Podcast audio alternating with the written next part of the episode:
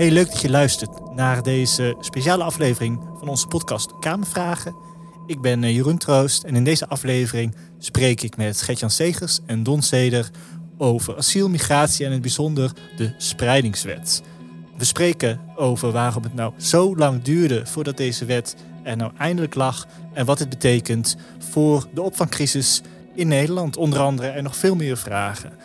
Deze podcast is het opgenomen gesprek van Instagram live sessie die wij zojuist hebben opgenomen, die we nu ook op de podcast willen uitbrengen. Dus luister mee naar deze speciale aflevering van de podcast.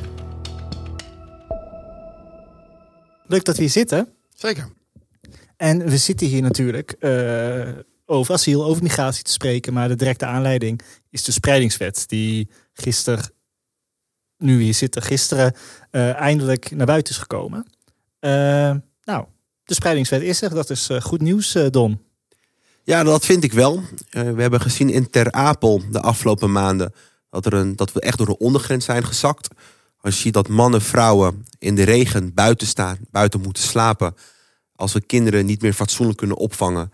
Ze zelfs beschimmeld brood geven. En een kind van drie maanden in een sporthal in Ter Apel komt te overlijden. Ja, dan zag je gewoon dat, dat, dat dit niet de manier is hoe we mensen willen opvangen in, in Nederland. We hebben daarom afspraken met elkaar gemaakt in augustus. Dit was er één van. Waarin we ook echt met elkaar zeggen dat we ervoor zorgen dat we uh, voortaan asielzoekers eerlijk gaan spreiden over verschillende gemeenten over het land. Want dat is nu niet het geval. Nu zie je dat een aantal gemeenten, met name in Friesland, Groningen, in het oosten van, van het land, best wel veel mensen op, opvangen. Die vragen al jarenlang om hulp. Help ons, hè, andere gemeenten. Dat is helaas um, uitgebleven of, of, er, of er is te weinig hulp gekomen. Dus wij helpen hen, wij ontlasten hen. En daarna zorgen we voor kleinschalige op opvang. Want als meer gemeenten gaan helpen, dan wordt de last ook lager. Uh, en zo kunnen we ervoor zorgen dat het goed is voor de lokale gemeenschap.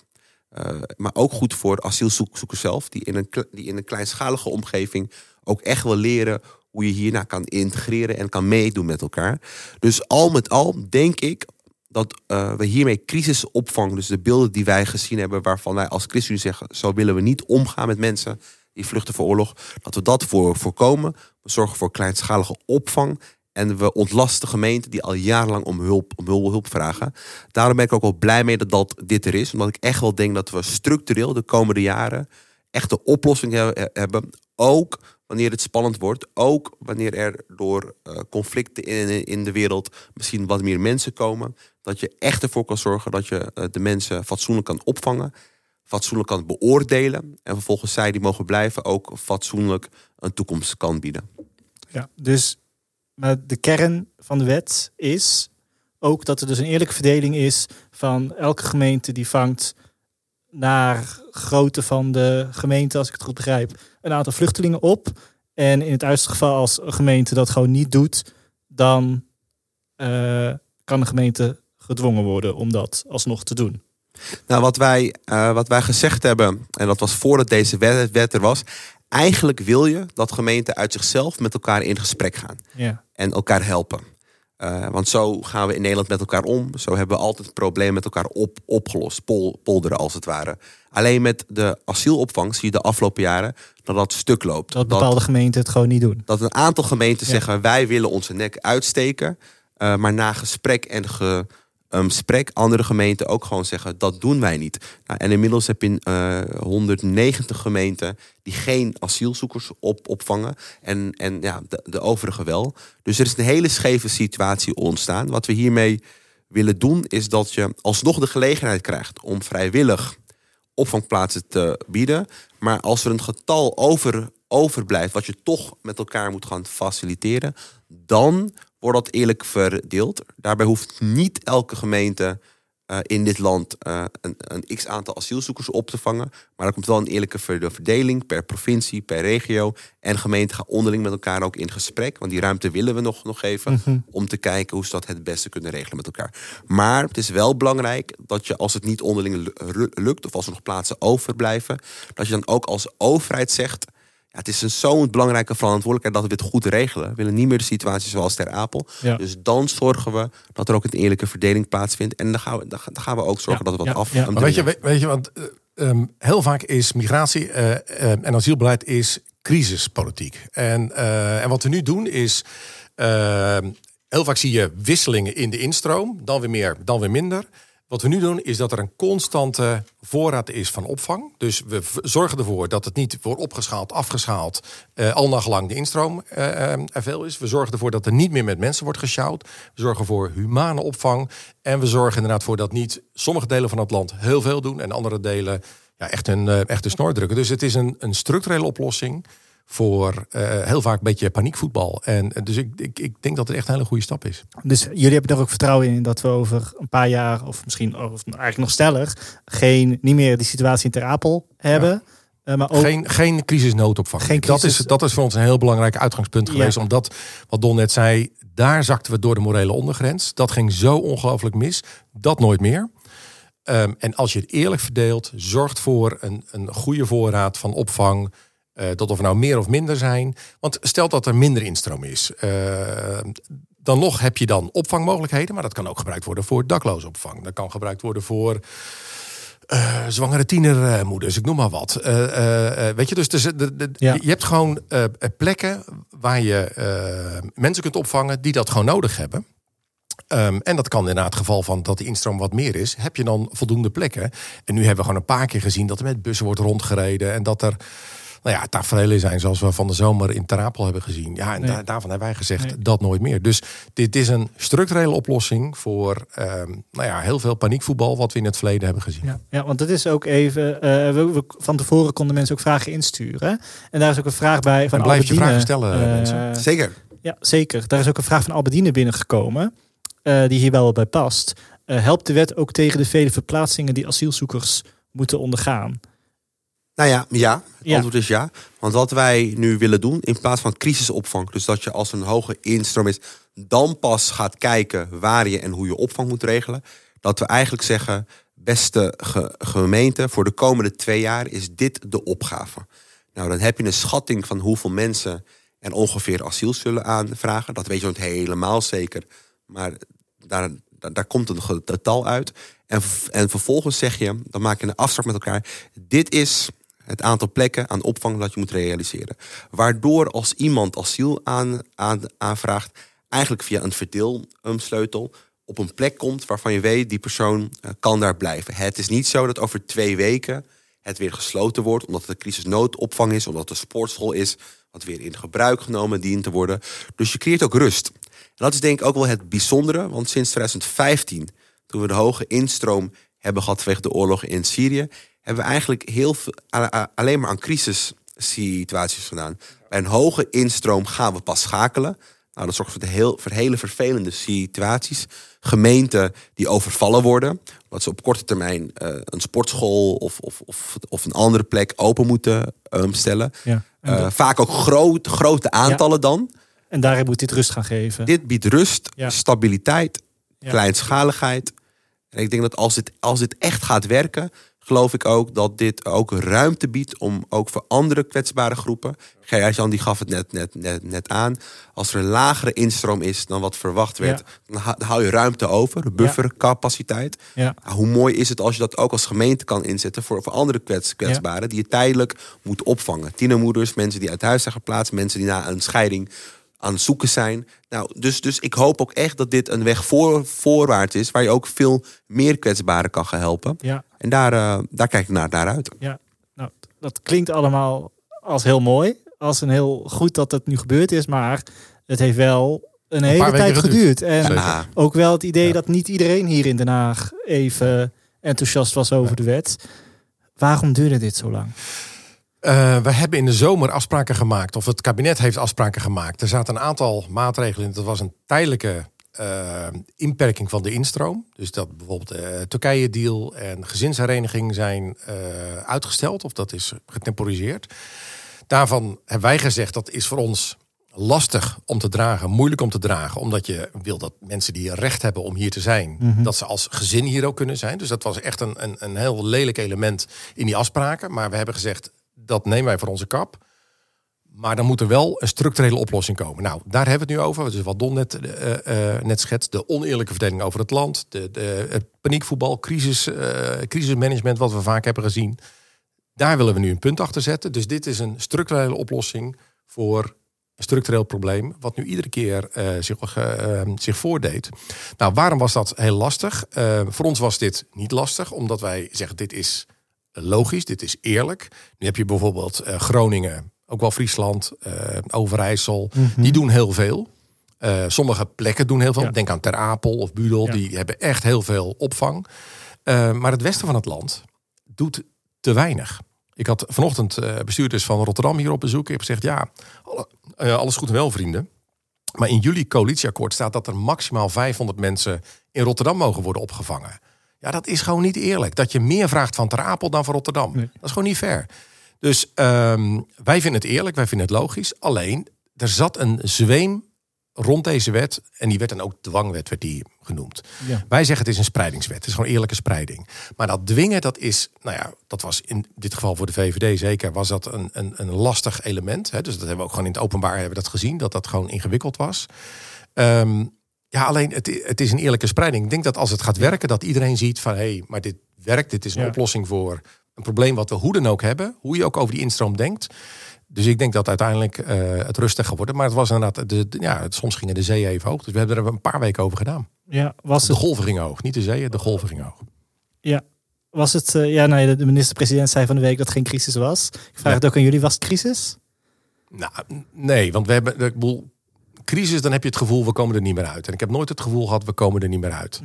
Alleen, het duurde wel heel lang. Dus het was eerst de vraag van, nou, uh, moeten we met z'n vier een afspraak maken? Wij hebben gezegd ja, dus andere partijen zeiden ook ja. Maar dat was nog even de vraag. Hoe ziet die wet er dan uit? Moet het een tijdelijke wet zijn of een permanente wet? En, en, dus ja, we hebben heel veel elementen hebben we doorgesproken. Mhm. Ehm, en ik vind die uitkomst, dat wat altijd een, eh, een, een compromis is. Hè, dus je moet altijd geven en nemen. Uh, ik denk dat het een goede wet is. Uh, en ik denk dat het nogmaals, dat het vooral een heel structureel probleem, wat ons voor heel veel hoofdbrekers heeft, uh, of heel veel hoofdbrekers heeft opgeleverd, wat ook voor oneerlijke verhoudingen zorgt en voor gesjouw met mensen en, en, en inhumane toestanden, dat we daar een eind aan kunnen maken. En ik denk dat, dat uiteindelijk welke bestuurder, van welke kleur, van welke politieke partij dan ook, waar die ook zit, uiteindelijk zal zien, dit werkt wel. Want nu heb je dus ehm, eh, bijvoorbeeld heb je een, een, een, de ene gemeente die wel iets doet, maar al, alle buurgemeenten doen het niet. Dat, dat zorgt gewoon voor scheve gezichten. Terwijl als je de last eerlijk verdeelt, dat uiteindelijk iedereen zal zeggen: oké, maar dit is fair. Ja. En uh, nog even naar, naar eerder deze week. Ehm, en als je vragen hebt, stel ze. Zeker. En er zijn er ook al een uh, aantal binnengekomen. Nou, kom maar door. Ehm, en wat ook een, een linkje is, ook gisteren nou ja, nu we hier dus zitten, gisteren, uh, toen de VVD-fractie naar buiten kwam en vertelde dat ze akkoord gingen, uh, waarbij ze wel uh, duidelijk maakten dat ze zich zorgen maakten ook over de hoge instroom van vluchtelingen in het land. Wat ze ook, als ik het zo begreep, koppelden aan deze spreidingswet op een bepaalde manier. Hoe, hoe zit dat, Don? Nou ja, even voor de duidelijkheid. We hebben geen andere af, afspraak gemaakt. Uh, behalve dan wat we in augustus met elkaar hebben afgesproken. Hè? Dus een spreidingswet uh, nou, en ook andere maatregelen. Maar uh, nieuwe maatregelen wat betreft in, instroom is uh, niet aan de orde. ik denk dat je het ook los van elkaar moet zien. Ik denk dat fatsoenlijke opvang ervoor zorgen dat situaties zoals we in Ter Apel zagen, dat wil je voorkomen. Dan moet je fatsoenlijke opvang met elkaar regelen. Dat hebben we ook met elkaar afgesproken. Dus ik denk dat je, dat je dat ook niet met elkaar moet vermengen. Omdat je een hele rare discussie met elkaar krijgt dat neemt niet weg. Nee, want dat is ook een vraag van Marco. Uh, als ik die er even tussendoor mag uh, stellen. Uh, Marco die vraagt zich af. Oh, het is voor Gitjan, maar misschien kan jij hem ook beantwoorden, Don. Ik kan een aftrap doen. zeker, dan kan, ik kan Gitjan eventueel aanvullen. Marco vraagt zich af of de instroom niet wat minder mag met alle problemen die we hebben in ons land. Nou ja, wat, ik, wat ik aangeef is, wij hadden een opgave voor fatsoenlijke opvang. dat hebben we nu met elkaar geregeld. Daar ben ik blij, blij mee, want ik geloof ook dat deze wet gaat werken. Tegelijkertijd zeggen wij ook al een, een, een, tijdje dat wij meer grip op migratie moeten krijgen. Dat zeggen we als ChristenUnie ook al een aantal jaren. staat ook in het coalitieakkoord, stond ook in het coalitieakkoord van 2017. Dus dat is geen geheim. Het is ook geen taboe. Als ChristenUnie vinden wij dat je dat ook moet oppakken. Uh, want wat je ziet, er, in, er komen inderdaad veel mensen naar Nederland. En als je kijkt naar wie dat dan zijn, dan zie je dat het overgrote merendeel arbeidsmigranten zijn. Daar heb ik de afgelopen maanden van gezegd. Daar moeten we echt op een andere manier mee omgaan. En een echt een serieus gesprek met elkaar voeren. Want, eh, want ook deze vangen we niet fatsoenlijk op. Um, er zijn schrijnende situaties rondom arbeidsmigranten. En Gert-Jan die heeft een paar jaar eerder met de SP ook al een nota ingediend. Waarin je ook echt met voorstellen komt om binnen Europa veel scherper te kijken wie je wel of niet binnenlaat als het gaat om, om arbeidsmigranten. Dat is de grootste groep van mensen die het land binnen, binnenkomen. En mhm. daar heeft de ChristenUnie eigenlijk al een paar jaar het voortouw in genomen. Daarnaast heb je het asielaspect. Uh, dat is ongeveer 10 tot 12 procent van, van, het, van het migratiesaldo. Dus dat is een klein deel daarvan. Maar alsnog, dat zijn best veel mensen. Daarvan hebben we ook al gezegd, staat ook in het coalitieakkoord, wij moeten in Europa tot een fundamentele herziening komen van het asielsysteem. Daar ligt ook een voorstel voor, dat heet met een uh, technisch woord GEAS, zo heet, zo heet dat. Daar ligt de concepttekst van waar wij zeggen dat moet uitgevoerd worden. Alleen je ziet dat binnen Europa heel veel landen eigenlijk naar binnen gekeerd zijn en, en nog niet in staat zijn om daarover te praten. Daarvan zeg ik al, sinds ik Kamerlid ben, daar, daar moeten we iets mee doen. Het staat in een mhm. coalitieakkoord. En ik heb een paar weken terug ook gewoon gezegd: het kabinet doet, wat mij betreft, hier te weinig op. Ik mis inspanning van uh, de staatssecretaris van, uh, van de Burg. Maar dit is ook een opgave van de minister van Buitenlandse Zaken, minister Hoekstra. Maar ook de minister-president. Om echt ook in Europa te zeggen: beste mensen, dit hebben wij nodig. Dus ik denk dat de ChristenUnie, als het gaat om grip op migratie zowel op arbeidsmigratie, maar ook als het gaat om als, als, als, asiel, de, af, de afgelopen jaren ook wel het voortouw genomen heeft om te zeggen dat het anders moet, maar ook uitgelegd hoe. Dat is misschien ook een grote verschil. Op Europees niveau dat dan aanpakken. Dat is de weg voorwaarts. En dat is geen geheim. Dat weten de andere coalitiepartijen ook. Want we hebben het notabene in het coalitieakkoord opgesteld. Ja, ja dat is eh, een mooie vraag die daarop aansluit, eh, misschien voor Gert-Jan dan, is uh, hoe kun je dan eigenlijk een stabiel asielbeleid garanderen als de wereld in brand staat en de verwachting is dat er, dat er meer vluchtelingenstromen kunnen komen. Klimaatvluchtelingen? Ja, bijvoorbeeld. Als gevolg van inderdaad onleefbare uh, regio's in de wereld. Dat mensen inderdaad uh, op drift raken. Ja. Uh, dat is inderdaad de, de grote vraag. En wat wij willen is dat migratie ons niet overkomt. Maar dat dat de uitkomst is van politieke keuzes. Nou, welke politieke keuze kun je maken? Dus Don die refereert al aan als het gaat om arbeidsmigratie. Dat moet je reguleren. Wat je nu ziet is dat werkgevers die hebben dan mensen nodig. Die kunnen dan niet snel genoeg Nederlandse werknemers krijgen. Dan komen er Polen, dan komen er Roemenen of uh, van elders. Zodra die niet meer nodig zijn, worden die op straat gezet. Vaak mhm. ook al slecht betaald, vaak al uh, slecht gehuisvest. Maar dan worden ze op straat gezet en dan belanden ze inderdaad in opvang, bijvoorbeeld in diezelfde stad, Rotterdam. Um, dat is gewoon niet eerlijk. Dus ik vind dat je arbeidsmigranten, die kunnen hier komen, die kunnen hier werken, maar die moet je fatsoenlijk belonen, die moet je fatsoenlijk huisvesten. En het moet tijdelijk zijn, dus dat ze dan weer teruggaan als uh, het werk erop zit. Dus dat moet mhm. gewoon in het voordeel zijn van die werknemers en dat moet in het voordeel zijn van mensen die hier uh, die werknemers nodig hebben. Ja, maar dat is dus dat is arbeidsmigratie. En nog een keer, dat is het grootste deel van migratie. Dus dat is het levendeel van de mensen die hier komen. Dus mhm. als mensen zeggen, er moet per jaar een stad als, noem maar eens wat, Deventer erbij worden, worden gebouwd, is het grootste deel arbeidsmigratie. Dat moet je gaan reguleren. Dat is mhm. één. Twee, als je toegaat naar Europees migratiebeleid, dat begint eigenlijk al in de regio waar het conflict is. Dat begint met opvang in de regio. Daar moet meer geld bij. Dus dat moet, um, daar moeten uh, fatsoenlijke kampen komen. Er moeten kinderen naar school kunnen. Er moeten mensen kunnen werken. Er moeten mensen uh, fatsoenlijk kunnen leven. Dus dat begint al met een grotere bijdrage van Nederland en Europa aan opvang in de regio. Vervolgens, als mensen zich melden aan de rand van ons continent, moet daar, moet daar fatsoenlijk opvang komen. We willen nooit meer zien dat je lesbos-situaties krijgt. Waar mensen in, in, in een soort hel leven, waar mensen elkaar te lijf gaan, waar er geen fatsoenlijke opvang is en er een soort verelendoens politiek is. Om, mensen maar, maar, maar lang genoeg laten leiden, zodat ze op een gegeven moment van ellende maar weer teruggaan. Mm. Er moet fatsoenlijke opvang komen.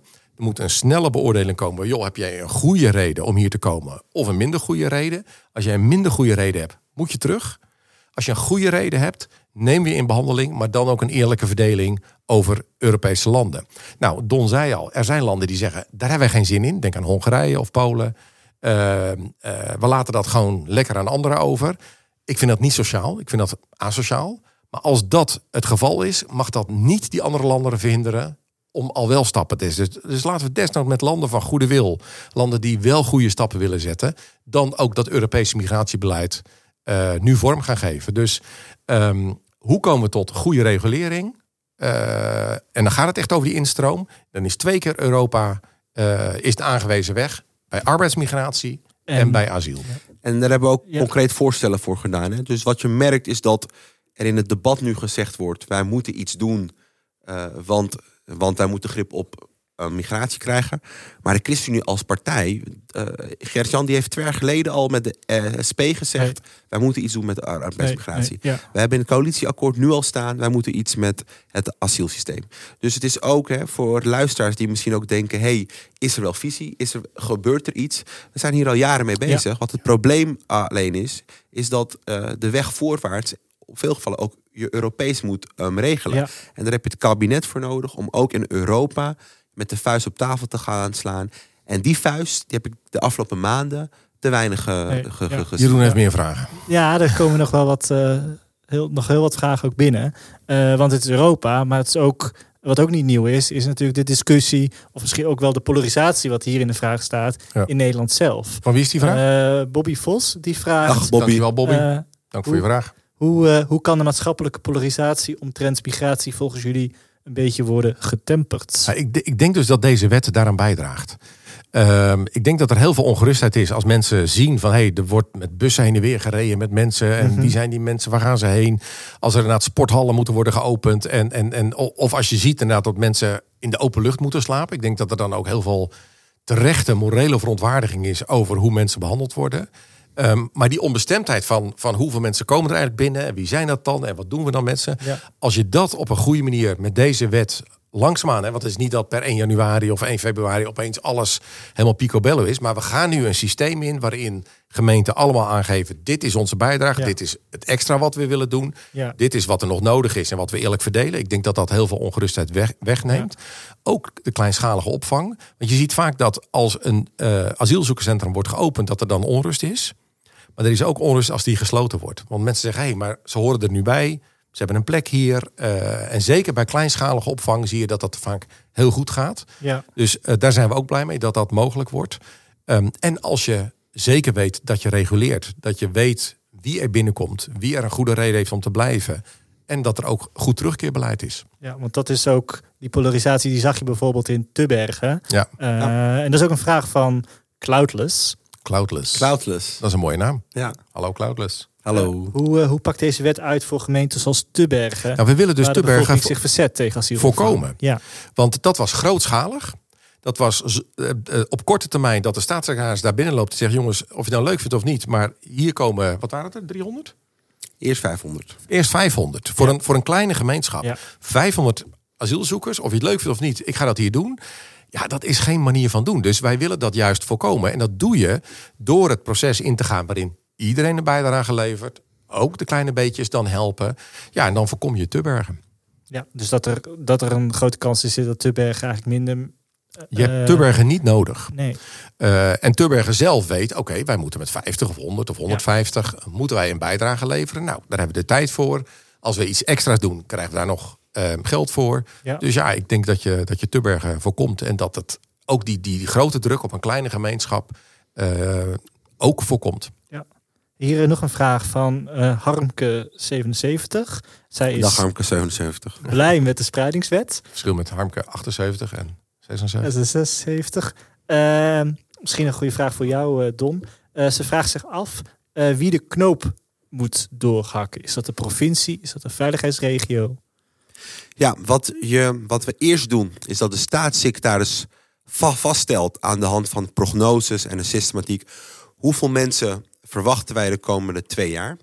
Vervolgens uh, hebben gemeenten de tijd om vrijwillig te zeggen: ik wil mijn nek uitsteken, ik wil opvangplaatsen uh, bieden uh, vanaf 100. Um, daar krijgen ze ook een financiële vergoeding, voor. Dus er wordt ge gekeken hoeveel vrijwillige opvang is er dan. Ik kan me heel goed voorstellen dat er gemeenten zijn die nu al opvang leveren. Die zeggen, nou, dat willen we eigenlijk best wel blijven doen. Nou, dus dan van dat getal dan, dan, uh, dan trek je daar de vrijwillige opvangplaatsen van. Dus eigenlijk de plaatsen die er dan zijn. Dan blijft er waarschijnlijk blijft er een getal over wat nog niet ver, ver, verdeeld is. Dat wordt verdeeld over de provincies. Die krijgen dan de gelegenheid om met gemeenten in overleg te gaan hoe ze uh, het aantal wat ze per provincie gekregen hebben, hoe ze dat gaan verdelen. Nou, daar komt, daar komt een voorstel uit, een advies aan de staatssecretaris. En die maakt uiteindelijk een definitieve verdeling. Dus wat je merkt en hoort, is dat vrijwilligheid een belangrijke kernwaarde is. Mhm. We laten eerst echt aan gemeenten. We hopen ook dat door de jaren heen gemeenten, naarmate ze hier aan wennen, dat ook vanzelf gaan blijven doen. Je hoopt ook dat die voorraad um, die, die er aan het begin is, eigenlijk steeds groter wordt. Waardoor er steeds minder, um, minder, uh, minder verdeeld hoeft te worden. Nou, dan, dan heb je dat en dan moet je dat doen. Uh, net zoals met elke wet geldt, als je aan de wet houdt, is er niets aan, aan de hand. Maar als je als gemeente een opgave hebt gehad, je weet waar je aan toe bent, maar dat niet kan doen, uh, maar dat niet, maar dat niet, niet doet, nou ja, dan is wel, dan zijn er mogelijkheden, zoals het voor heel veel andere wetten geldt, dat volgens het Rijk kan zeggen, hé, hey, maar we hebben een, af, een, een afspraak gemaakt, dus we willen wel kijken hoe we dat ja. kunnen regelen. Nou, dus vier jaar lang is dat het Rijk en, en uh, daarna moet het uh, opnieuw worden vormgegeven. Dan zou het ook wel de provincies kunnen zijn. Maar het is best gek om over een dwangwet te praten. Want dat zeg je ook niet bij uh, onderwijshuisvesting. Dat is een gemeentelijke taak of armoedebeleid. Zeg ook niet dat is een dwangwet. Nee, dat is een gemeentelijke taak. De gemeente moet ervoor zorgen dat armoede wordt bestreden. Dat scholen gewoon een fatsoenlijke huisvesting hebben.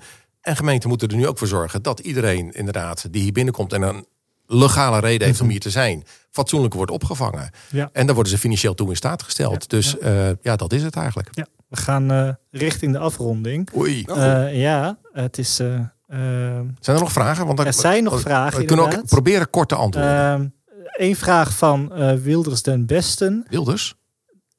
Den Besten is: uh, hoe zorgen we ervoor dat men, mensen minder bang worden als er een AZC komt?